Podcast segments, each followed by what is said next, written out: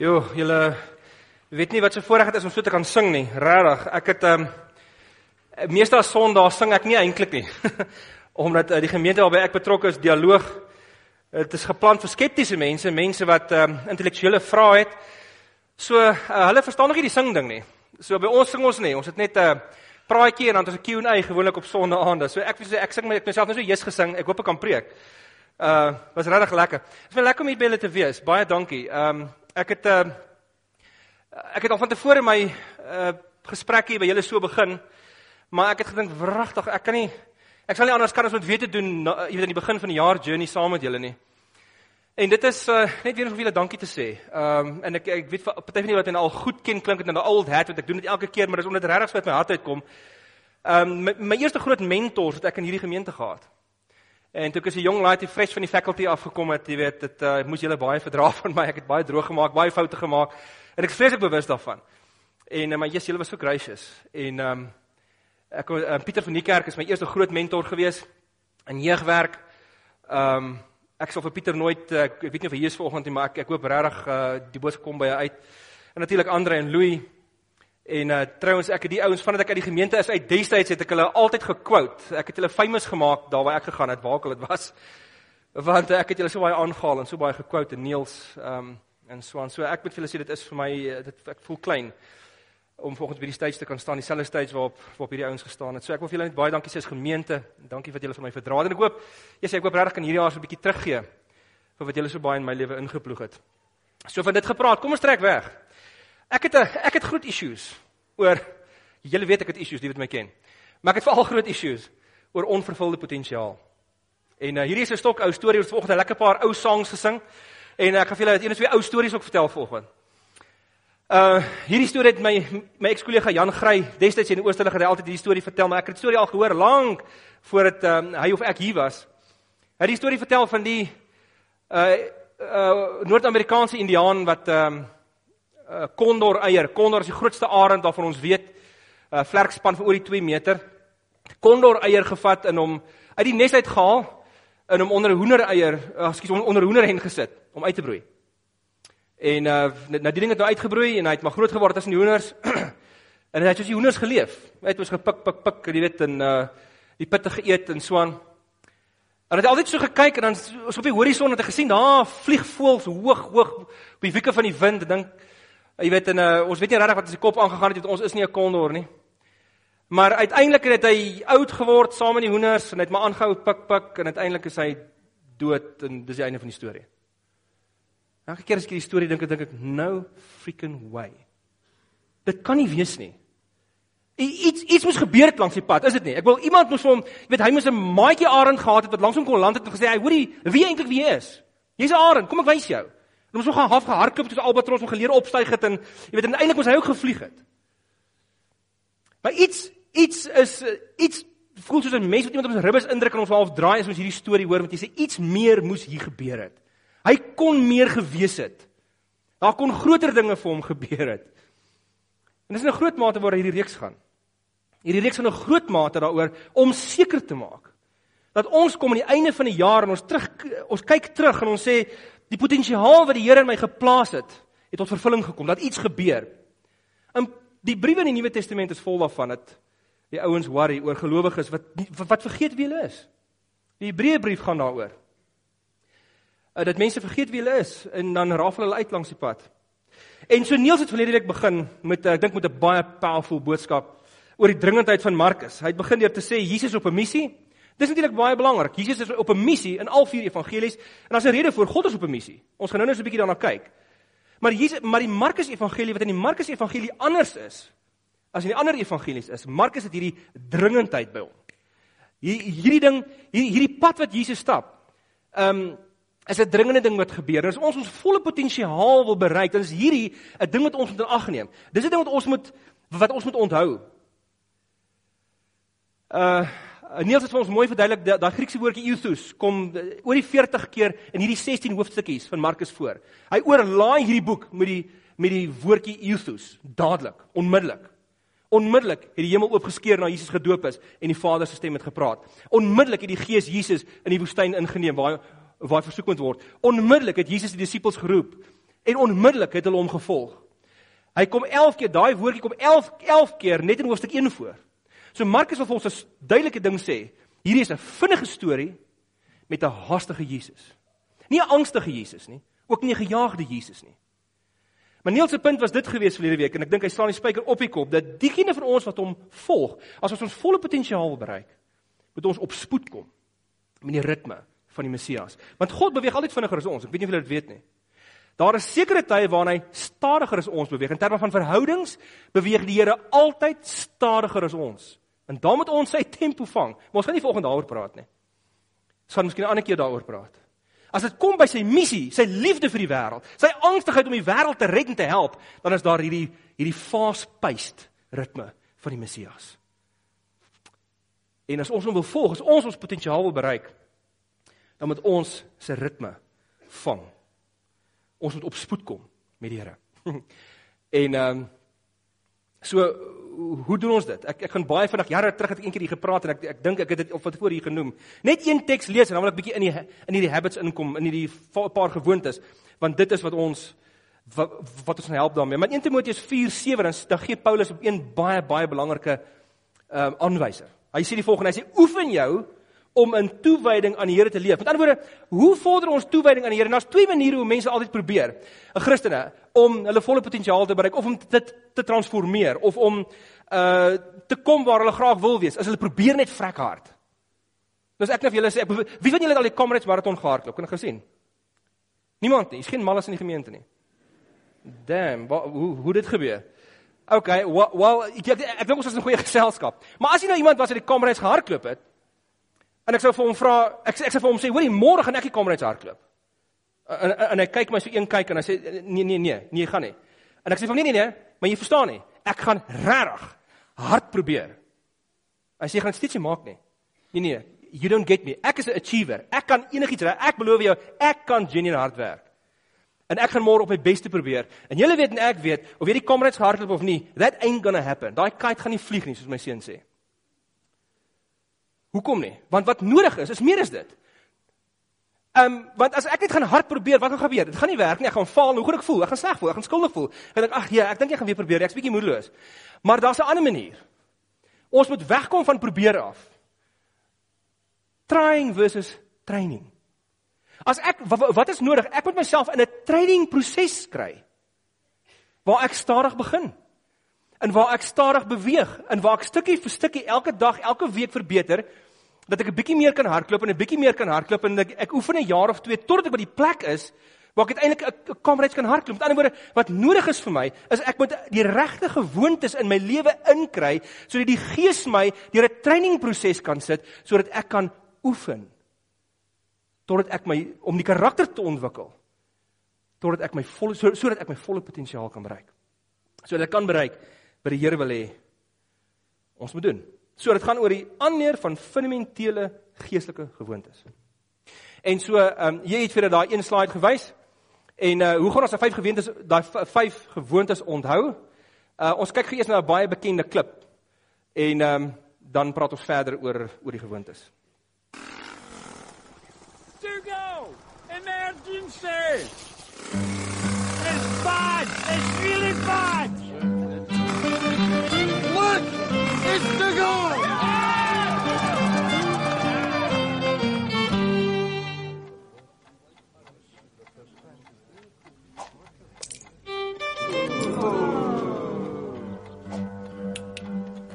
We're going to miss the kickoff.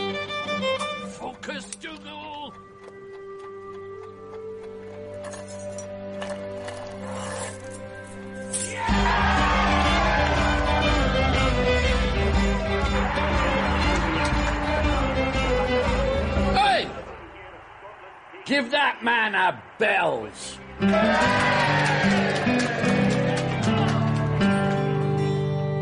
Nou die eerste gewoonte is nie om te gaan drink nie. OK.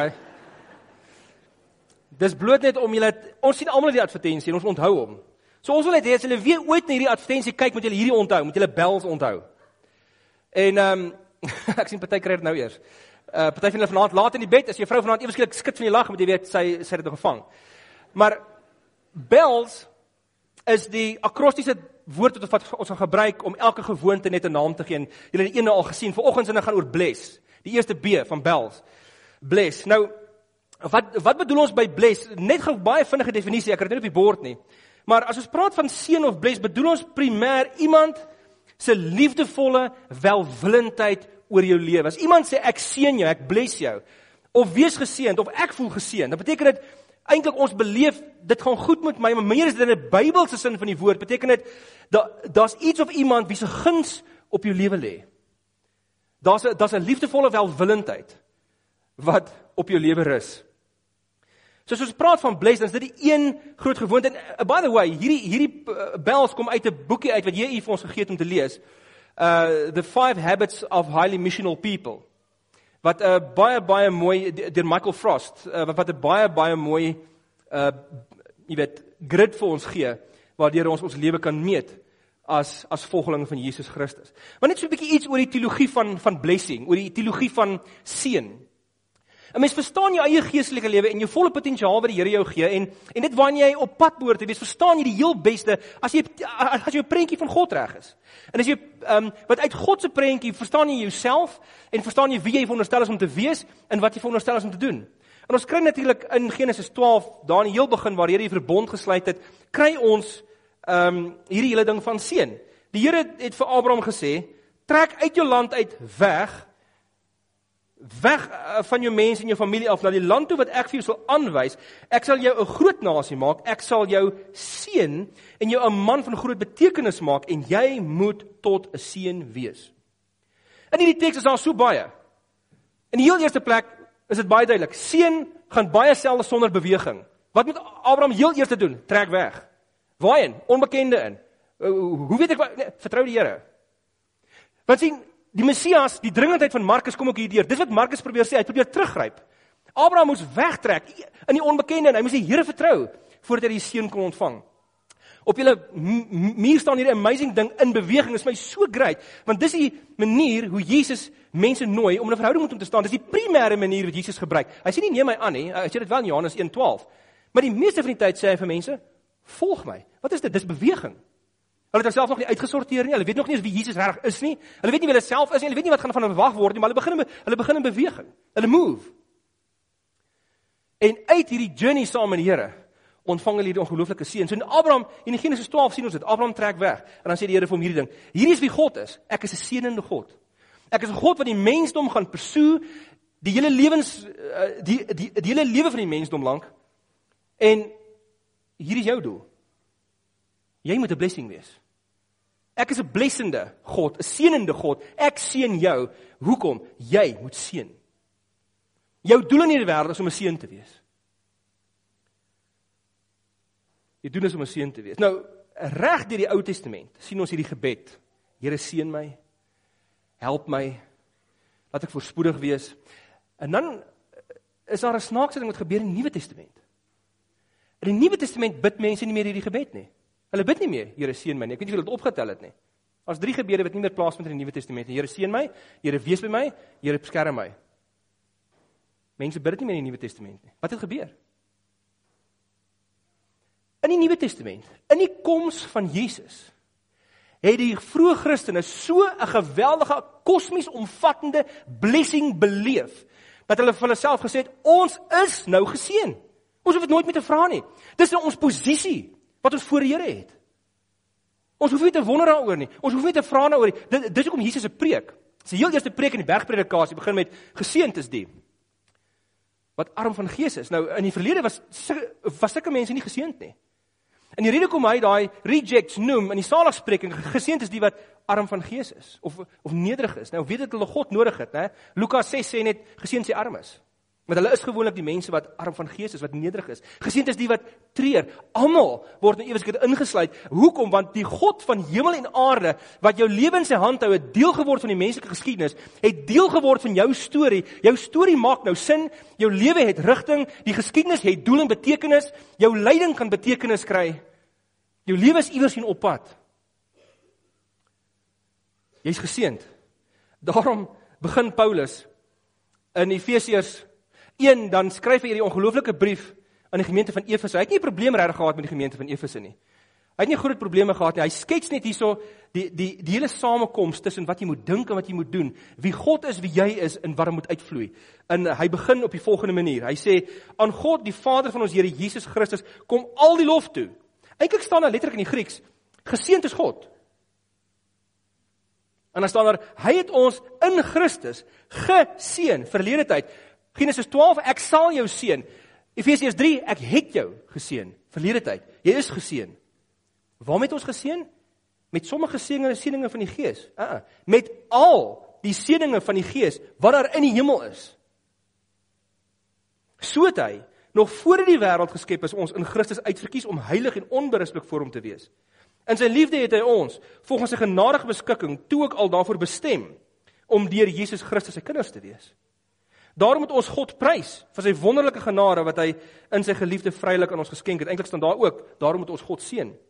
En terloops, daai term is nie regtig imperatief in die imperatief vorm of in die bevel vorm gegee nie. Dis net eintlik 'n ding van, jy weet, die seën kom God toe is wat daar eintlik staan. Die bloed van sy seun, ekskuus, deur die bloed van sy seun is ons verlos en is ons oortredinge vergewe kragtens die ryke genade van God wat in al sy wysheid en insig so oorvloedig aan ons geskenk het. Hy kragtens sy besluit en voorneme die geheimenis van sy wil aan ons bekend gemaak en dit deur Christus tot uitvoering gebring op die tyd wat hy daarvoor bepaal het. Sy bedoeling was om alles wat in die hemel is en alles wat op die aarde is onder een hoof te verenig, naamlik onder Christus. Hierdie word die identiteit van die gelowige. En die opskrif oor hierdie hele gedeelte wat ons nou gelees het is vers 3. Hy het ons in Christus geseën met al die seënings en dan verduidelik hy, want die volgende een begin so het hy net daarna in vers 4. So dit brei uit op die eerste vers. Die eerste vers is die opskrif. Julle wil jy weet wie jy is?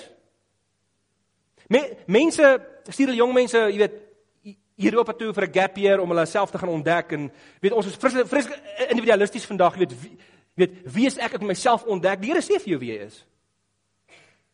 Jy's 'n geseënde. Dis jou identiteit. Nou Paulus het hierdie interessante ding in sy briewe. Jy kry dit in Efesiërbrief, jy kry dit in die Romeinebrief. In die Romeinebrief is daar nie een bevel van hoofstuk 1 tot 11 nie. Wel eintlik eintlik is daar een, 6 vers 12. Moet dis nie langer toelaat dat die sonne oor die heerskappy voer nie. Paulus, hulle praat in teologie van Paulus se indikatief imperatief beginsel. Indikatief beteken 'n stelsin, né? Dis 'n stil dis 'n sin waarin jy 'n punt maak. Jy is geseënd. Dis nie bevel nie. Dis 'n sin wat waar is. Dis 'n dit dis dis die posisie wat jy voor die Here het. Aan die ander kant praat Paulus oor wat jy moet doen. Bevele, imperatief, indikatief. Hierdie is jou posisie in die Here.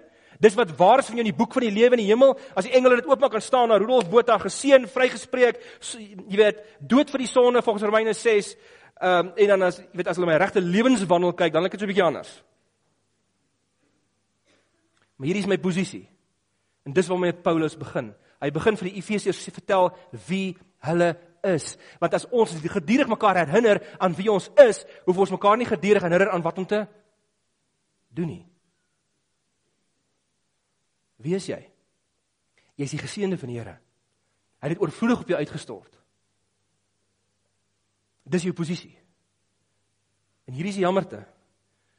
Wanneer die lewe bietjie hard raak, wanneer dit moeilik raak, het ons as volgelinge van die Messias, as volgelinge van Jesus, het die vermoë of uh, die, die tendens vind plaas dat dit wat ons veronderstel is om te word, ons potensiaal verrafel uit onder pressure. Omdat ons vergeet wie ons is, want ons is veronderstel om 'n seën vir die wêreld te wees. Daarom uit Efesiërs 2 kry ons hierdie volgende gedeelte wat julle ook baie baie bekend vir julle sal wees. Julle is inderdaad, dis nou eintlik 'n uitvloeisel uit hoofstuk 1 uit. Dit is 'n hele stuk, o, skus, wat ek net moet sê is, wat interessant is. In hoofstuk 1 tot 3 gee Paulus geen bevel nie. Hy begin eers in hoofstuk 4. Dan sê hy vir hulle, "Nou, ehm um, moet julle die ou lewe af en in die nuwe lewe leef." Heel eerste hoofstukke, geen geen bevel nie. Hy vertel net vir hulle wie hulle is. Dis al. En dan hoofstuk 2, sê hy die volgende: Ehm um, julle is inderdaad uit genade gered. Onder hierdie seën, alles wat julle toe gekom het, alles is deur geloof. Hierdie redding kom nie uit julleself nie. Dis 'n gawe van God. Dit kom nie deur julle eie verdienste nie en daarom het niemand enige rede om homself trots te wees nie. Nee, God het ons gemaak wat ons nou is. In Christus Jesus het hy ons geskep om ons lewe te wy. Ons lewe te wy aan die goeie dade waarvoor ons bestem het. Hoekom is jy hier? Jy moet 'n blessing wees.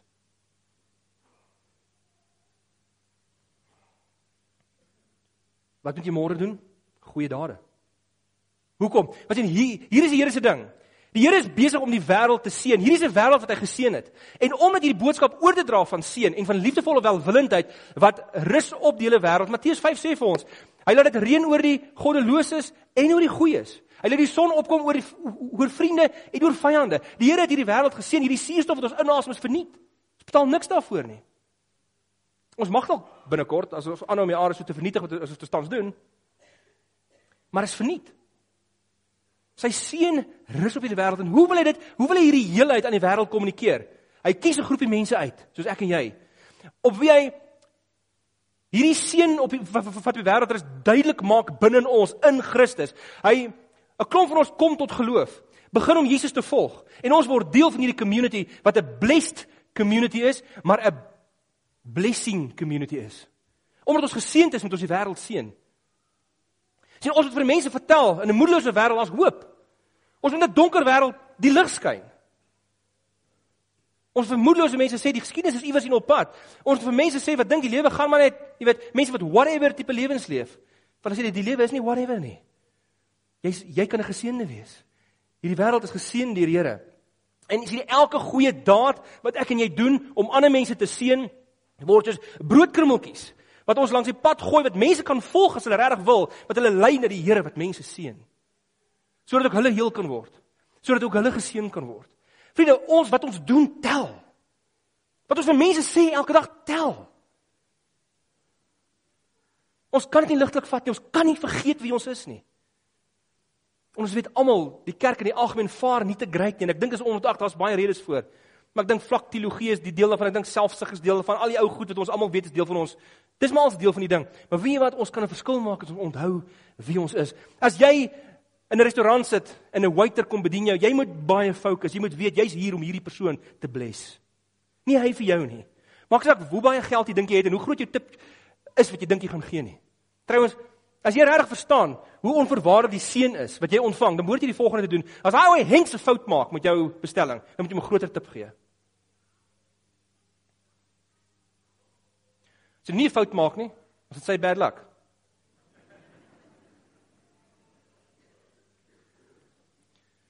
Ons is veronderstel om die broodkrummels uit te gooi vir mense. En mense sien dit raak. Ons dink hulle sien nie. Daar's plekke waar ek by restaurante kom waar die waiters my kom omhels. Hulle is my vriende geraak. Jesus, en dan dink ek ek kan wegsteek dat ek 'n predikant of 'n Christen is. En ek kom vra dan gereeld vir my. So, so what do you do? Are you a pastor? Dink ek, hoe het hulle dit uitgedink? Ek ek ek doen my bes om nie die Bybel te lees. Jy weet, waar ek sit en kuier nie. Probeer ander goed lees. Hulle kom agter. Hulle sien dit. Ons lewe te wy aan die goeie dade. Hoekom? Om die Here vir ons 'n hengse eis verwag? Nee, want omdat hy ons oorvloediglik gebless het. Hoeveel moet ek mense seën? Ek dink dis 'n belangrike vraag. Hoeveel moet ek hoe weet, waar trek ek die lyn? Sê mense baie keer vir my. Waar trek ek die lyn? Maar kom ons kyk waar die Here die lyn getrek. Kom ons kyk 'n bietjie hoeveel is ek geseën? Kom ons kyk net die volgende skyfie. Al die seëninge van die Gees wat hy vir ons gegee. Liefdevol, sy genadige beskikking vrylik aan ons geskenk. Oorvloedig aan ons geskenk. Rykdom, heerlike erfenis. God is ryk in barmhartigheid en het ons ingelief. So moet ek mense bless. Met alles. Genadig, liefdevol, vrylik, oorvloedig. Mense is nie gewoond aan oorvloed nie. Hulle dink oorvloedig beteken finansiëel. In Efesiërs 3 dan staan hy voor, dan sê Paulus, want hy het nog nie bevel gegee nie. Hy sê net die volgende, hy sê mag julle in staat wees om saam met al die gelowiges te begryp hoe wyd en ver en hoog en diep die liefde van Christus strek. Mag julle sy liefde ken. Liefde wat ons verstand te bowe gaan, dit maak nie sin nie. En mag julle heeltemal vervul word met die volheid van God. En hoe mate moet ek mense bless? Sodat hulle die wydheid en die verheid en die hoogte en die diepte van God se liefde kan beleef. En jy doen dit nie deur net jou ietsie te doen nie. Jy doen dit deur mense te oorlaai met jou liefde. Nie plastiek nie, moenie plastiek wees nie, want kyk, hier is die belangrike ding. Efesiërs bring denke en dade bymekaar uit. Hierdie is die ding wat wat jou denke moet oorheers. Jy moet geseend voel. Hierdie ding moet so belangrik wees in jou eie denke dat jy dit beleef. Jy moet so mediteer en dink hieroor oor die oorvloed wat jy het in die Here. En natuurlik het die kerk in die geskiedenis so baie droog gemaak. Die kerk kan soveel pyn veroorsaak, maar weet jy wat? Daai pyn wat ons veroorsaak, definieer nie wie ons is nie. God se God se liefde definieer wie ons is. God se seën definieer wie ons is. Maar ons moet oorvloediglik skenk. Vriende, dit beteken bloot. Let op jou lewenswandel. Dis terloops nog 'n ding wat in Efesiërs sterk voorkom. Ons gaan nie vanoggend daaroor praat nie. Let op jou lewenswandel, peripatyn, om om te loop op die pad, om op die, om om die regte pad te stap, om op die regte manier te loop elke dag. Wat ons doen elke dag tel. Ons moet ekstravagant dink. Ons moet uit die boks uit dink. Een van my groot mentors is Refense Morake. Wie van julle ken vir Refense Morake? Kan ek gou sien? 'n Paar van julle. Ja, so 'n paar. Kom ons kyk gou 'n bietjie na 'n video van Refense. Refense is 'n Zulu ou. En ja, ek gaan nie meer sê nie. Kom ons luister net gou na 'n stukkie van 'n song van hom.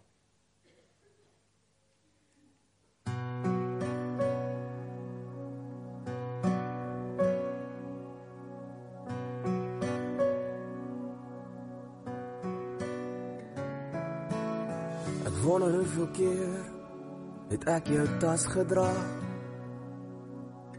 Ek wonder hoeveel keer was daar die las te swaar.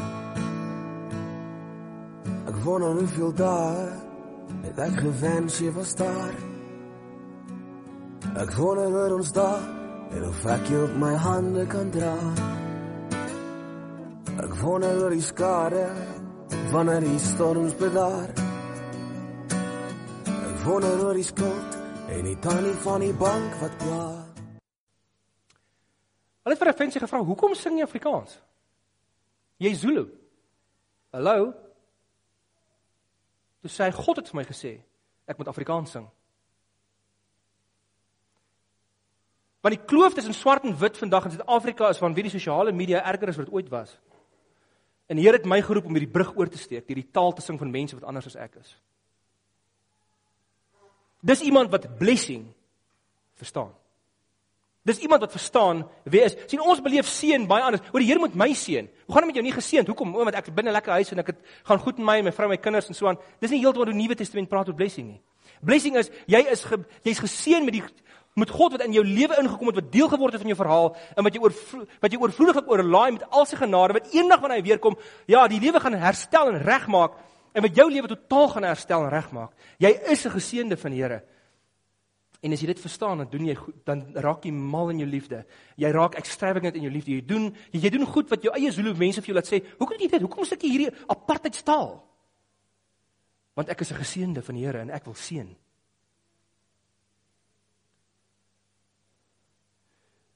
Weet jy in hierdie land wat soveel kleurig is in sy etnisiteit? Kan ons nie anders as om ons hart uit te reik na mense wat anders as ons is nie.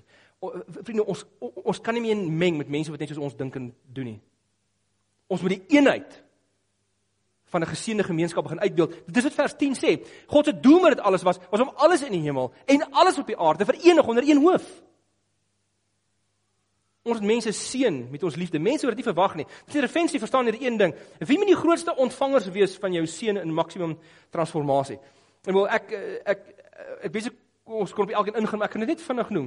Familie, vreemdelinge en vyande. Dis wat die Bybel sê. Gaan lees gaan lees Romeine 12 oor die vreemdelinge en vyande. Weet jy wat wat wat wat 'n verskil kan jy maak? Deur die oë in die oggende as die kerk toe kom oop te vir vreemdelinge hier op hierdie terrein. Jy weet nie wat so mense kom in die oggend saam in jou kerk toe nie. Dis baie keer 'n moedelose enkel ma wat nie meer weet wat ek kan doen nie. Miskien was hy lanklaas in die kerk en sy probeer nog hierdie een keer. En sy hoop sy sien net 'n vriendelike gesig. Of iemand wat sy werk verloor het. Hy was ook lank in die kerk nie of hy was dalk, maar hy weet nie nou waar hy is nie. Jy weet nie meer, ek wil julle weet hoe geweldig jou selfwaarde, ons gevoel van selfwaarde afhang van hoe suksesvol ons is. Behoort nie so te wees nie, maar maar dis die realiteit. Dit het 'n geweldige effek. sien jy mense raak? Op Sondagoggend. Weet jy wie sit nou voor jou en langs jou en agter jou? Mense, ons moenie vergeet wie ons is nie. Die wêreld kan dit nie bekostig dat ons ons fokus verloor nie.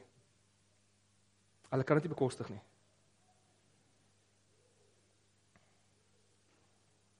So kom ons kry onsself in 'n trainingproses waar ons die gees van God toelaat om ons harte en ons geestesoë te verhelder sodat ons mense anders sien, sodat ons in die heel eerste plek onsself anders sien, ons eie identiteit anders sien. En is daar miskien 'n paar aksies wat ons kan oorweeg. Ons dink miskien miskien 'n bietjie prakties uit te daag. Moontlike aksies om te oorweeg is miskien seën hierdie week 3 mense. Ek bedoel, eers ek hoop dit is net 3, maar maar, maar kom ons begin daarby. 'n Familielid, iemand van wie jy nie hou nie en 'n ander kleurige. Om jou eie identiteit te vestig, om seker te maak jy onthou wie jy is. Doen dit met oorvloed. Doen dit sonder om terug te hou. Moenie nou soek na die lyn nie. Die Here het die lyn uitgevee. Seën mense. Uh, en daarmee bedoel ons nie jy tree net met, met sentiment op nie. Met ander woorde, jy weet jy gee vir ou langs die pad geld sodat hy kan drugs koop nie. Dis nie waarvan ons praat want dan seën jy hom nie. Maar deurdink jou lewe. Ehm um, die van julle wat wil kan nou jou selfoon uithaal. Sit 'n reminder op jou foon vir môreoggend. Do, doen hierdie ding met met innige woorde van bemoediging, met oorvloedige dade van liefde en geskenke as jy wil. En ons wil graag stories wil hoor. As dit vir iets gedoen het of as iemand anders iets gedoen het. Jy kan dit vir ons stuur na daai na daai e-mailadres info@oosterlig.co.za. Sal baie graag wil hoor. Ek dink dit is tyd dat ons as community ons lewens met mekaar begin deel. Wat wat ons mekaar vertel wat die Here met ons mee besig is en wat hy gedoen het.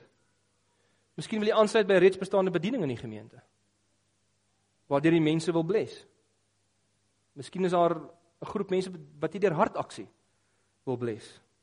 En die een ding wat wat jy genoem het is en hierdie het nie 'n direkte blessing nie, maar waar ons gaan saam dink oor hierdie vyf gemeentes is by die Enroute Bybelgesprek wat 16de Februarie begin. Waar ons gaan saam loop deur Markus wat Niels vir ons ingelei het laasweek. En net gaan saam dink. Ek gaan 'n bietjie die formaat van 'n Bybelskool hê. Dis 'n een verantwoordelikheid wat my kollegas my gevra het met ek hanteer. En ons gaan ons gaan saam gesprek hê oor die praktiese implikasies daarvan vir ons eie lewe. Markus die evangelie wat die wêreld verander het. Dit is um deur die jare in Nuwe Testament wetenskap het uh Markus nie baie aandag gekry nie.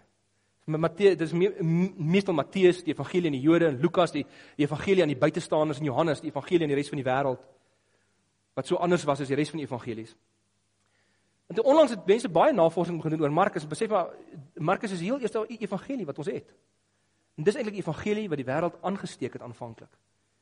En wat die ander Bybelskrywers, die ander evangelieskrywers gemotiveer het om hulle evangelies te skryf. Hier is om net 'n paar moontlikhede. Jy kan jou eie aksies bysit. Daar's nog baie ander goed waarna jy kan dink. Maar kom ek eindig net met hierdie een kort storie uit my eie lewe uit. Ehm um, toe ek het destyds toe ek eh, 'n uh, gemeente geplant het daar by Wesrand Rymse Rymse gemeente. Het ons dit spesifiek geplant met die oog op kerklos mense en mense wat skepties is, mense wat nie glo nie. En ehm um, uh daar uh, ons het baie lekker journey gehad deur goeie en swaar tye gewees en so. Maar ons kon net die een man uh kon ons net hoegenaamd nie by die kerk kry nie. Ons hele ons hele erediens was ingerig vir mense, jy weet vir, vir besoekers, mense wat mense wat kom vir die eerste keer. En ehm um, ou Frans, sy naam is Frans, hy sal nie omgee ek hierdie storie vertel nie. Ons kon vrou, sy vrou en kinders was elke Sondag in die kerk. Dit so aan my regterkant gesit, so daar op wat dabber paar van julle nou sit. En ehm um, yes, ons kon hom nie kry nie. Dis asof hy sy sy vrou het net dit is asof hy vrees het vir die kerk. Hy hy hy het bad goed beleef in sy verlede.